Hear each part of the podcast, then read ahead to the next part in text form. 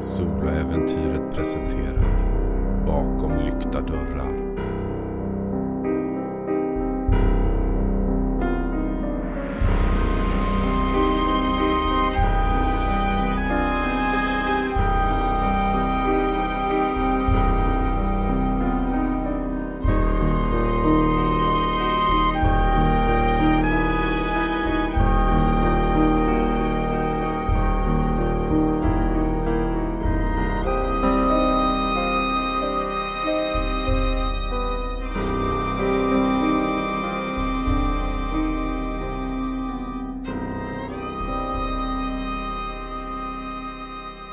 Säsong 5 Avsnitt 10 The Last Time Det var tidigt på söndag morgon då Sky kom hem och la sig i sängen och somnade.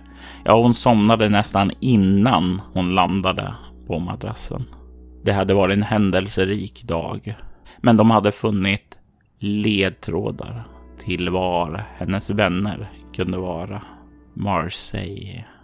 Mardrömmar om flygplan. Mardrömmar om hennes föräldrar som förlorade sina liv i en flygplansolycka. Sky, när du vaknar så har du inte sovit särskilt bra. Det har varit de här drömmarna, liksom alla de här känslorna som fortfarande är, har bubblat inom dig. Även om du har bestämt sig så sitter ju fortfarande mycket av minnena och så kvar. Bara för man bestämmer sig för någonting så betyder det inte att allt det hemska bara försvinner.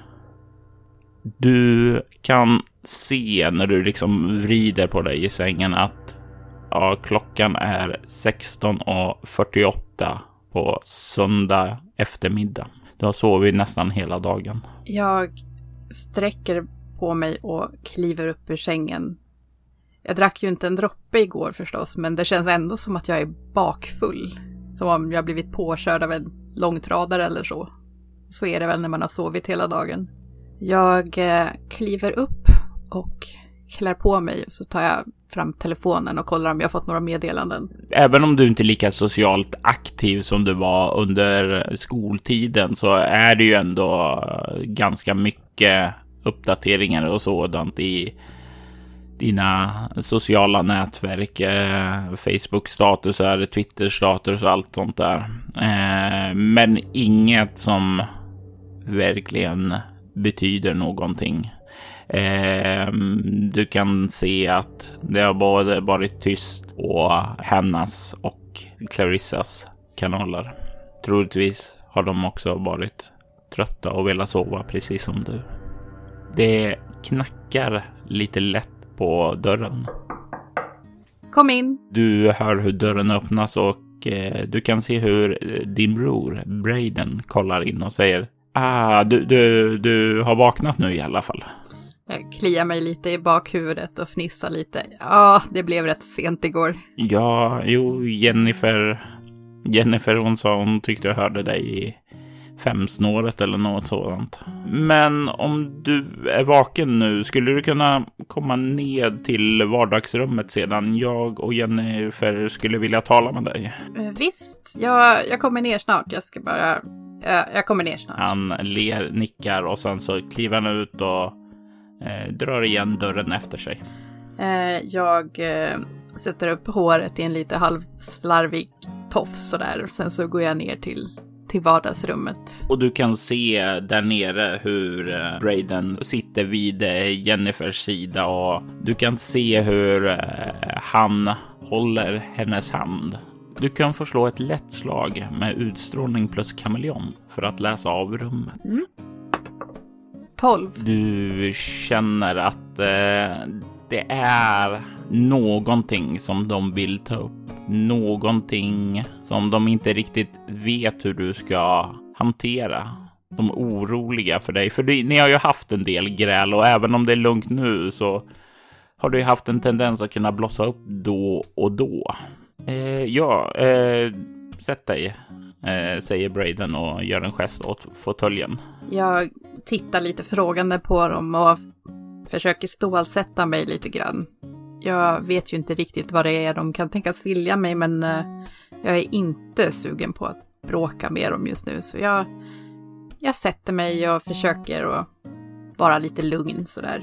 Det är eh, någonting som jag och Jennifer skulle vilja ta upp med dig. Och Jennifer eh, fortsätter. Och jag, jag vet inte hur du kommer att ta det här Sky, men ja, jag hoppas att du kommer bli glad. Du kan se hur hon lite nervös eh, greppar lite hårdare om Braidens hand. Braden kollar direkt på dig och säger det är som så att eh, tidigare idag så fick vi veta att eh, Jennifer är gravid och sen så liksom kollar han på dig och liksom tappar lite orden. Försöker läsa av dina första intryck. Are you kidding me? Jag hoppar upp ur fåtöljen och kastar mig om halsen på dem. Och det, det, det blir liksom chockade över den positiva responsen och men sedan sekunderna efter den här liksom chocken är över så kramar de om dig. Åh, oh, vad skönt, vad skönt säger Braden. Jag, jag var lite orolig hur tack ska, tack. Och sen liksom Jennifer släpper lite greppet, ler mot dig och verkligen strålar över din reaktion. Jag eh, skrattar och jag är väldigt, väldigt lättad framför allt över att de inte bara ville bråka med mig i vanlig ordning. Men eh, jag är också väldigt, väldigt glad eh, över att bli faster. Det här var de bästa nyheterna på jag vet inte hur länge. Fan, grattis! Jag ska bli faster! Och du kan se hur Jennifer ler och Braden skrattar till och du känner bara hur det genomsyrar eh, rummet av en positiv känsla. Det är mitt i den här känslan så hör du att det biper till i din telefon, att du får ett mess. Jag tar eh, och reser på mig igen och jag vill inte klänga ner dem alldeles. Eh, och så skratta lite och säga jag, jag måste skriva till Clarissa om det här. Så tar jag fram min telefon. Och du ser att du har fått ett eh, meddelande ifrån eh, Clarissa där hon skriver jag har bokat biljetter. Eh, klockan 10.30 på tisdag åker vi. Säg till om jag kan göra någonting för att göra resan lättare. Och eh, när du får det här meddelandet så kommer ju lite av den här glädjen. Den dämpas ju lite för då påminns du om hela flygresan som stundar dig, rädslan, minnena om dina föräldrar. Plötsligt så känner jag det där i maggropen igen, det där lite tunga. Eh, och det syns antagligen på mig också. Eh, men jag försöker att inte, att inte visa det så mycket. Eh, och sen eh, lägger jag ifrån mig telefonen, jag lägger telefonen i fickan igen. Jag har faktiskt någonting jag också skulle vilja prata om. Han stelnar till lite och kollar lite oroligt och säger du tänker väl inte säga att jag ska bli morbror nu va? nej, nej, nej, ingenting sånt. Uh, oh. Ingenting sånt. Han sätter sig ner och ler och du kan uh, se hur Jennifer himlar lite med ögonen och rufsar till honom lite i håret och ungefär som bara du dömer det, det förstår du väl att hon inte skulle säga. Hon vänder sig om. Ja, eh, vad har du för nyheter åt oss? Eh, ja. Jag vet att det här är väldigt olikt mig, men Clarissa hittade en, eh, en sista minuten-resa och på, eh, på tisdag så ska vi åka till vi ska flyga till eh, Frankrike. Du kan få slå ett lätt slag med utstrålning kameleon för att se hur känslorna i rummet plötsligt förändras. 13. Du kan se hur Jennifer direkt blir lite så här mer reserverad skulle du nog säga. Medan Braden däremot, han blir Ja, det är som om luften verkar gå ur honom direkt när du säger det. Och du ser hur Jennifer är på väg att säga någonting, men Braden hinner först och han säger nej. Det är inte upp till dig att bestämma det, Braden. Du, du ska inte åka dit. Du ska inte åka med något flyg. Nej, jag säger nej.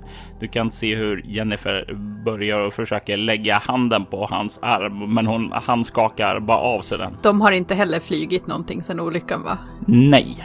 Nej, så Braden är minst lika ängslig över flyg som jag är. Troligen. Mm. Han har, han har aldrig direkt pratat om det. Det är någonting som ingen av er har riktigt varit beredd att prata med er, med varandra om. Braden, det har gått så lång tid. Vi... Det, jag säger inte att det är lätt för mig att flyga någonstans, men vi måste ju konfronteras med det här någon gång. Vi kan inte, vi kan inte leva i fruktan så här. Du kan se han liksom skakar och du kan se hur hans nävar liksom knyts hårt så nästan knogarna börjar bita. Jag säger nej, jag förbjuder dig att åka. Eh, det, det, du, du vet vad som hände med mamma och pappa. Det, det, det är Braden. inte säkert att flyga. Braden, jag, jag känner precis som du. Jag... Men vi måste gå vidare. Vi kan, inte, vi kan inte hålla på så här. Hur ska vi kunna undvika att flyga? Hur? Vi, vi, Det här... vi har just berättat nyheten om att du ska bli faster och det, det första du säger då efteråt, det, det är att du ska flyga. Flyga det som tog våra föräldrar ifrån oss. Vill du, vill du att mitt barn aldrig ska få lära känna dig igen? Och du kan se hur Jennifer försöker lägga handen igen och säga så här. Lugn, lugn älskling, andas. Och du kan se han bara rycker dig undan ifrån det. Och sedan så liksom kan du se han blänger på dig, nästan utmanande. känna att det, det är väldigt svårt för mig att försöka säga emot honom när jag egentligen känner precis samma sak. Men hur ska jag kunna förklara för honom varför jag ska resa? Han skulle inte förstå. Han förstår, han förstår liksom inte de här eh, märkliga ockulta sammanhangen som rör sig kring det här. Det finns liksom inget sätt för mig att få honom att verkligen förstå. Allt jag kan göra är att försöka övertala honom om det som jag själv skulle behöva bli övertalad om. Jag försöker att tänka, vad skulle Clarissa och Hanna ha sagt? Vad skulle någon som inte är rädd för flyg säga?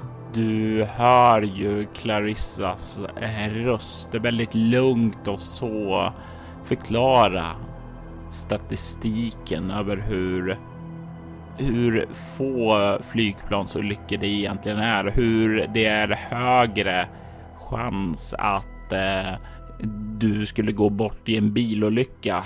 Det finns inget rationellt logik för att eh, det skulle drabba er familj igen. Så hur stor är statistiken för det? Hanna, å andra sidan, hon är inte mycket för statistik. Hon skulle tala om hur viktigt det är att eh, med för, om man har förlorat personer som varit nära någon annan. Hur viktigt det är då att odla relationen med dem man älskar, att fördjupa den, att inte låta livet vara bortkastat. För vem vet vad som kan hända nästa dag? Älska i nuet. Eh, lev inte i kärlekens skugga. Jag sätter mig bredvid Braden på soffan och lägger armen om honom. Braden, jag, jag förstår att du är rädd. Jag är också jätterädd. Jag, jag är det verkligen, men det... Risken för en flygplansolycka är oerhört liten och jag, man lever bara en gång. Jag måste få se världen. Jag måste... Jag vill dela den här upplevelsen med Clarissa, kvinnan jag älskar. Jag tänker att du kan få plus två på ett mycket svårt slag med utstrålning plus interaktion. Plus två sa du? Ja, 16. du kan se hur dina ord sjunker in och verkar mildra lite av den där ilskan som man liksom bubblar där. Eller inte ilska, utan snarare rädsla. Han kollar på dig öppnar munnen för att säga någonting, slår igen den, biter sig för tungan för att hindra den där impulsen och säga det första som var på väg ut ur honom.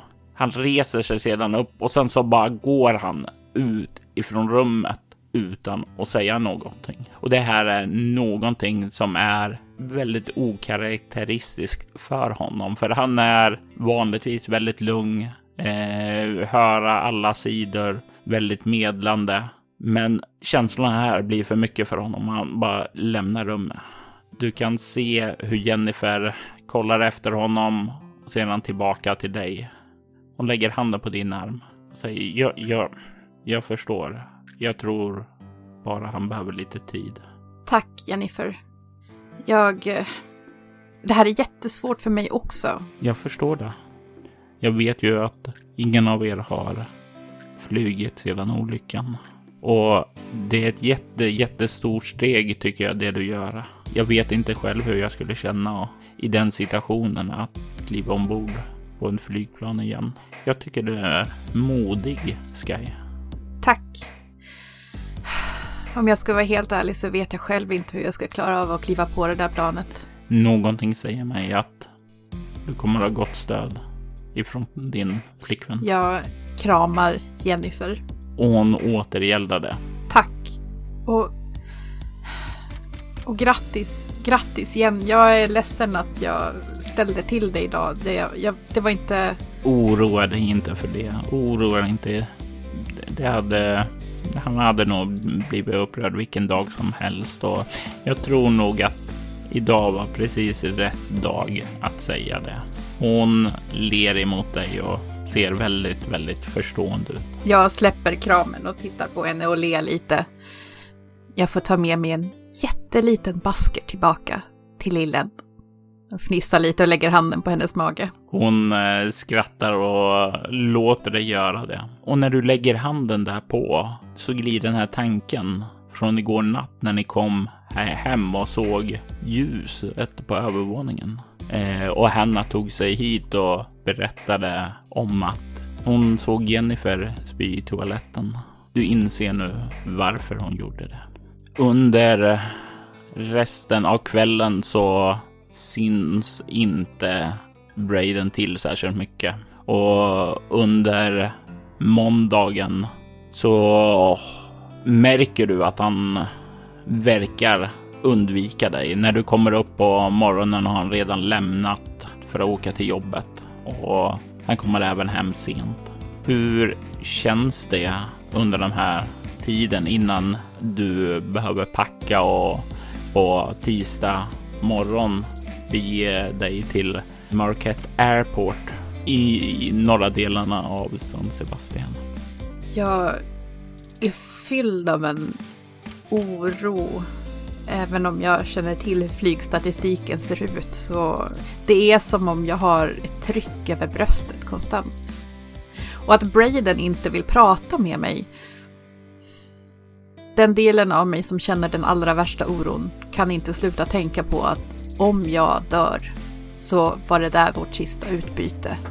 Jag mår så dåligt emellanåt att jag blir fysiskt illamående.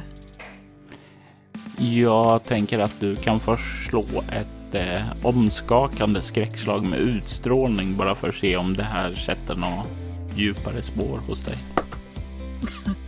Ja, där hade vi dagens första etta. eh, en sexa blev det allt som allt. Det är ju som sagt det här illamående. Det blir väl också faktiskt som så att du vid eh, två tillfällen mår så dåligt att du faktiskt spyr. Att det blir för mycket. Är det några särskilda förberedelser som du gör innan resan? Under eh, måndagen så eh, tar jag mig till ett apotek eh, för att försöka få tag på så starka lugnande som möjligt. Även om Hanna har sagt att hon ska hjälpa till så ja, jag vill vara välgarderad. Jag vill, eh, jag vill helst inte känna av att jag flyger överhuvudtaget. Mm.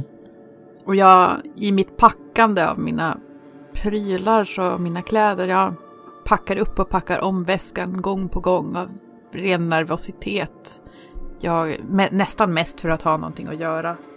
Och självklart så messar jag ju Clarissa och Hanna i vår gruppchatt ehm, och berättar om, eh, om hur det gick när jag berättade för Braden att vi skulle flyga. Och du får ju väldigt, väldigt mycket stöd ifrån dina vänner. Ah, det är ju allt ifrån att han kanske inte var beredd på det. Han menade nog inte till eh, distraktionsförsök och liksom få dig att muntras upp och tänka lite på annat. Alltså de här två personerna i ditt liv. De gör ju allting mycket lättare än om du skulle ha varit själv om det här. Jag berättar också för dem om rädslan jag har över att, ja, rädslan över att om vi kraschar, om jag dör, så ska det där ha varit min sista interaktion med Brayden. Och, och hur det känns. Eh, ja, den oron är ju nästan det värsta av allt. Klart jag är orolig för, för att flygplanet kraschar, men just det här med Brayden är det, är det värsta av allt just nu. För någonstans har jag också tänkt att som det ofta är, att man kan ha som både hjärna och hjärta samtidigt med varsin tanke. Å ena sidan förstår jag hur onödigt det är att oroa sig överhuvudtaget. Å andra sidan har jag förlikat mig med tanken på att jag kommer att dö. Jag kommer att dö på tisdag. Och de här tankarna som liksom genomsyrar också vad du skriver visar ju också hur dina två vänner också, ja, hur de ser kanske på döden eller livet i sig. Clarissa verkar ha mycket lättare att förstå varifrån du kommer. Hon verkar se dina känslor tydligt och försöker bemöta dem. Henna å andra sidan, det, det är nästan som om hon har svårt att relatera till döden, om, som om, om den inte skrämmer henne. Som om det vore så naturligt. Som om, ja, kanske hon har sett den så många gånger att hon blivit härdad emot den. Härdad emot känslorna. De har ju väldigt olika attityder för det här, men någonstans i kombinationen så är det som att den ena lugnar hjärtat och den ena lugnar hjärnan. Det känns lite, lite bättre, men oron är kvar. Och den är kvar på morgonen på tisdag då Hanna och Clarissa kör upp med bilen utanför ditt hus för att hämta dig. Braden har lämnat, men Jennifer har stannat hemma idag. Hon har stannat hemma och ger dig en lång varm kram då du lämnar huset. En del av mig tänker fortfarande att det här är sista gången jag träffar Jennifer. Så jag kramar om henne så hårt jag bara kan. Men försöker att spela lite coolt sådär, du vet. Skämta lite, försöker att liksom le. Vad har du i interaktion? Fyra. Du får nog faktiskt fram den här personen då som du vill visa, den starka Sky. Och innan jag kliver i bilen så vinkar jag liksom mot hennes mage kan man säga och så säger jag Au revoir mon petit baguette. och Jennifer skrattar gott där. Du kan höra lite fniss ifrån Clarissa också. Och Hanna kollar lite förvirrat på, på dig när du kliver in. Baguette? Va?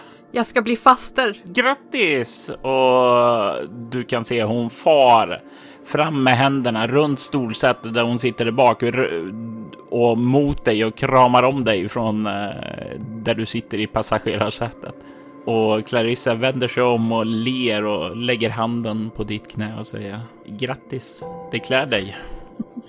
Jag skrattar och kramar om dem båda så gott det går när man sitter i, i en bil förstås. Det blir den här stämningen i bilen när Clarissa startar den. Och det här många frågor från henne som Eh, ja, hur långt gången? Eh, vet hon om en pojke eller flicka? Ja, hon har de här frågorna som ställer den typen av känslomässiga grejer. Ja, men hur ska, hur har ni tänkt att göra så? Eh, Medan Clarissa säger ja, tror ni kommer göra om det här rummet till barnkammare då? Alltså det här lite mer ansvarsfulla frågorna. Hur, hur är det tänkt med familjeekonomi? Alltså den typen av praktiska frågor då. Och det är ju faktiskt många frågor du inte kan svara på, men det är ändå distraherande. Så du, för en stund så tänker du inte på var ni är på väg. Utan ni lämnar Utopia, kör fram till grinden där och får identifiera er där. Ganska surmulen, kraftig kar. Fet skulle man nästan kunna säga. Eh, med ett vänsteröga som liksom skelar och nästan flackar upp och ned, fram och tillbaka där. Går igenom era olika idéer innan han nickar bara åt er och öppnar grinden så att ni kan köra ut. Färden bort till Marquette Airport tar en stund och samtalet är gott. Men till slut så svänger ni in på parkeringen för att kliva in mot flygplatsen för att checka ombord på planet som ska ta sig till Marseille. Hur mår Sky när hon liksom checkar in, går igenom flygsäkerheten innan ni kommer in till platsen där ni ska vårda. Ju närmare flygplatsen vi kom överhuvudtaget, eh, desto svårare blev det som att andas. Och inne på flygplatsen så har jag ju hela tiden i princip hållit Clarissas hand i ett krampaktigt grepp. Jag... Clarissa är liksom som min trygga pelare som jag försöker att fokusera på. Jag försöker att liksom inte jag har lite svårt att ta in var vi är någonstans. Som jag tänker tillbaka till den där kvällen då Mrs Fisher visade mig vad hon nu än visade mig när hon tog min hand. Inte, det kändes ju, det kändes ju inte riktigt så läskigt som det här känns. Det här är ju på riktigt på ett helt annat sätt. Den där platsen var också på riktigt, men den här skräcken är... Den fanns ju redan i mig. Jag försöker ju fortfarande att spela lite tuff, men jag övertygar nog inte vare sig Clarissa eller Hanna om den saken. Du kan ju lägga märke till att Hanna verkar villig att eh, låta dig tro att eh, du har övertygat henne. Hon spelar med som om att eh, du faktiskt vore glad och försöker skoja med dig och hålla dig distraherad. Samtidigt som, samtidigt som Clarissa då, hon ser ju igenom den här charaden. Hon håller sig nära dig, håller dig hårt, finns där som ett stöd. Ni ställer er i kön, börjar röra er in mot incheckningen på flygplanet. Hjärtat slår snabbt, hårt, kommer fram till disken och du kan se att Hanna som är först verkar sträcka fram biljetten och prata. Men du kan inte riktigt höra henne. Allting omkring är som ett töcken. Ljuden dämpade. Rösterna knappt hörbara. Hjärtat slår tungt. Minnena av dina föräldrars skratt hörs ekande i bakgrunden. Och plötsligt så känner du att någon eh, verkar... eh, fröken? Ja tittar upp desorienterad. Och du kan se att det är en, verkar vara en flygvärdinna där som står och verkar hålla fram handen mot dig. Jag tittar först förvirrat på hennes hand och sen ner på min egen. Har jag biljetterna i min hand? Ja. Jag eh, blir liksom... Jag, jag, är nästan lite förvirrad över att jag har biljetterna i min hand. Du har inget som helst minne om när du fick dem heller? Något omtöcknad räcker jag fram biljetterna till, till kvinnan. Hon tar emot den och kollar att allting är i sin ordning och därefter så släpps du vidare. Du kan se henne står där och väntar på dig. Och bakom dig så checkar Clarissa in och ni kan röra er ombord på planet. Motvilligt och tvekande så rör jag mig mot, mot planet. Jag, det blir lite köbildning bakom mig kan jag tänka mig. Jag stoppar liksom upp lite grann. Det är väl först när passagerarna bakom mig börjar verka lite frustrerade som jag snabbar på stegen lite grann. Men jag får väldigt svårt att andas. Jag känner verkligen det här trycket över bröstkorgen. Jag känner att paniken är väldigt nära ytan nu. Jag vänder mig om efter Clarissa. Och hon finns där steget bakom och fattar din hand i sin. Så ja, så ja, lugn bara. Det kommer gå bra. Jag finns här för dig. Den här eh, dåligt spelade coolheten jag hade tidigare är nu som bortblåst. Nu är jag bara oro. Vore det inte för Clarissa skulle jag inte kunna ta mig framåt överhuvudtaget, men med hennes hand i min och hennes lugnande ord så lyckas jag ändå ta mig till, till planet. Jag kliver ombord. Sky, är hon en person som har rest mycket med flyg tidigare? Alltså innan olyckan hände med föräldrarna? Eller är det här bland de första gångerna? Hur van är hon vid att flyga? Ja, alltså hon var ju 13 när hon förlorade sina föräldrar, men, eh, men de åkte nog på mycket familjesemestrar kan jag tänka mig. Hennes föräldrar var ju ganska välbemedlade så de reste nog en del. Då har du ju lite vana att vara ombord på ett flygplan i alla fall. Så det är ju inte massa andra saker där som liksom skapar ytterligare, ytterligare lager av rädsla eller oro, utan du har lite, lite trygghet där i alla fall med vanan. Ni kommer fram till era platser och kan sätta er ned och det är ju mitt mitten av planen och det är tre sitt där så du hamnar i mitten. Hanna hamnar till vänster om dig och Clarissa till höger. Jag eh, tar fram det lugnande medlet som eh, jag köpte på apoteket. Ja, det är ju inget som, gör, som borde göra någon större skillnad egentligen, men eh, jag försöker allt jag kan när du är på väg att liksom ta de här tabletterna så lägger Hanna sin hand på dig och säger jag kan hjälpa dig. Du behöver inte ta dem där. Jag lägger ner dem i handväskan igen och tittar på Hanna. Um, och hon kollar bort emot Clarissa. Um, jag tänker ta Sky på en liten trip Eh, du kan väl bara se till att eh, ja, eh, om det är någon flygsäkerhetsgrej och sådant som vi bör veta så kan du väl ta lite anteckningar. Clarissa kollar på henne som ungefär dö eh, tänkte jag göra ändå. Och eh, sedan så sträcker eh, Hanna ut sin hand emot dig. Jag tar Hannas hand. Bra. Eh, luta dig nu tillbaka i sätet. Fäll dig tillbaka lite och du kan se hon med sin fria hand gör detsamma för sig. Jag försöker att eh, slappna av så gott det går och sätta mig lite bekvämt. Och därefter så lutar sig Henna tillbaka. Hon säger Lyssna på min andning.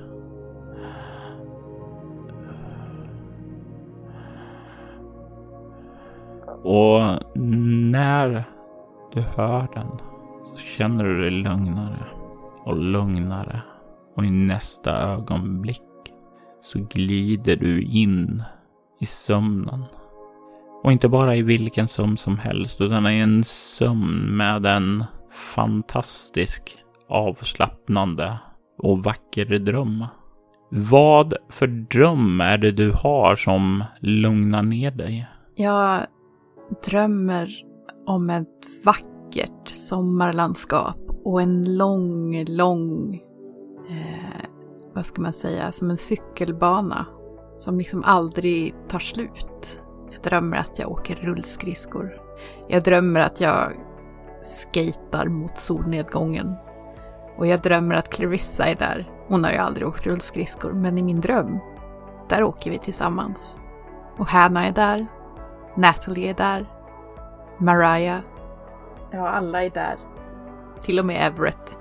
Han är inte heller direkt någon skejtare, men alla kan åka rullskridskor när jag drömmer. Och vi skrattar och vi är tillsammans. Det är en dröm som är så behaglig. Tänk dig, det när du börjar vakna upp så är det som om du har sett en lång film som slutar lyckligt på alla sätt och vis. Det är den här känslan av avslappning och nästan eufori då du vaknar upp. Betydligt lugnare än tidigare. Du kan se hur Hanna verkar fortfarande sova. Du kan se vid sidan om dig att Clarissa sitter med sin laptop uppe och verkar skriva. Och det verkar som om flygplanet befinner sig uppe i luften nu. När jag inser var jag är och att vi fortfarande är i luften så vaknar jag till väldigt abrupt. Jag tar Clarissas, eh, ja jag kan ju inte ta hennes hand om hon sitter och skriver, men jag, jag lägger en, eh, jag lägger min hand på hennes knä och du kan se hon direkt känner det och vänder sin blick mot dig och säger God morgon. Sovit gott? Skulle ha sovit mycket bättre nere på marken.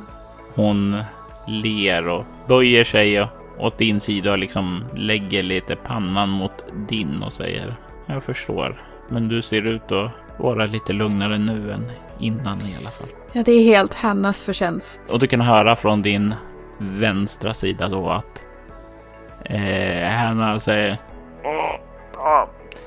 Det var så lite så. Tack för eh, rullskridskorna, säger hon och sträcker lite på sig. Jag ler mot Hanna och jag tittar lite grann på, jag tittar på klockan. Så säger jag högt, jag vet inte vem jag egentligen frågar, men hur långt har vi kvar? När är vi framme? Clarissa är den som svarar och hon säger vi har eh, två timmar kvar. Du har sovit bort det mesta i alla fall. Två timmar känns eh, länge nog. Men eh, nu är jag ju här. Nu finns det, finns ju ingen flyktväg heller så att jag, jag får liksom finna mig i det helt enkelt. Den största oron är kanske avklarad, för nu är vi ju här. Du kan se hur Clarissa kollar på dig och säger Jag eh, kanske har ett eh, sätt att distrahera dig, säger hon. Jag tittar frågande på henne och höjer ett ögonbryn. Du kan se hon slår igen laptopen och stoppar ner den i sin väska. Och sen så reser hon sig upp, kollar på dig med ett litet finurligt leende. Sen börjar hon röra sig bort till toaletterna. Jag fnissar lite och ger henne ett försprång. Jag följer efter, efter sisådär en och en halv minut. Och du kommer in där och ser Clarissas leende och du låser dörren bakom dig.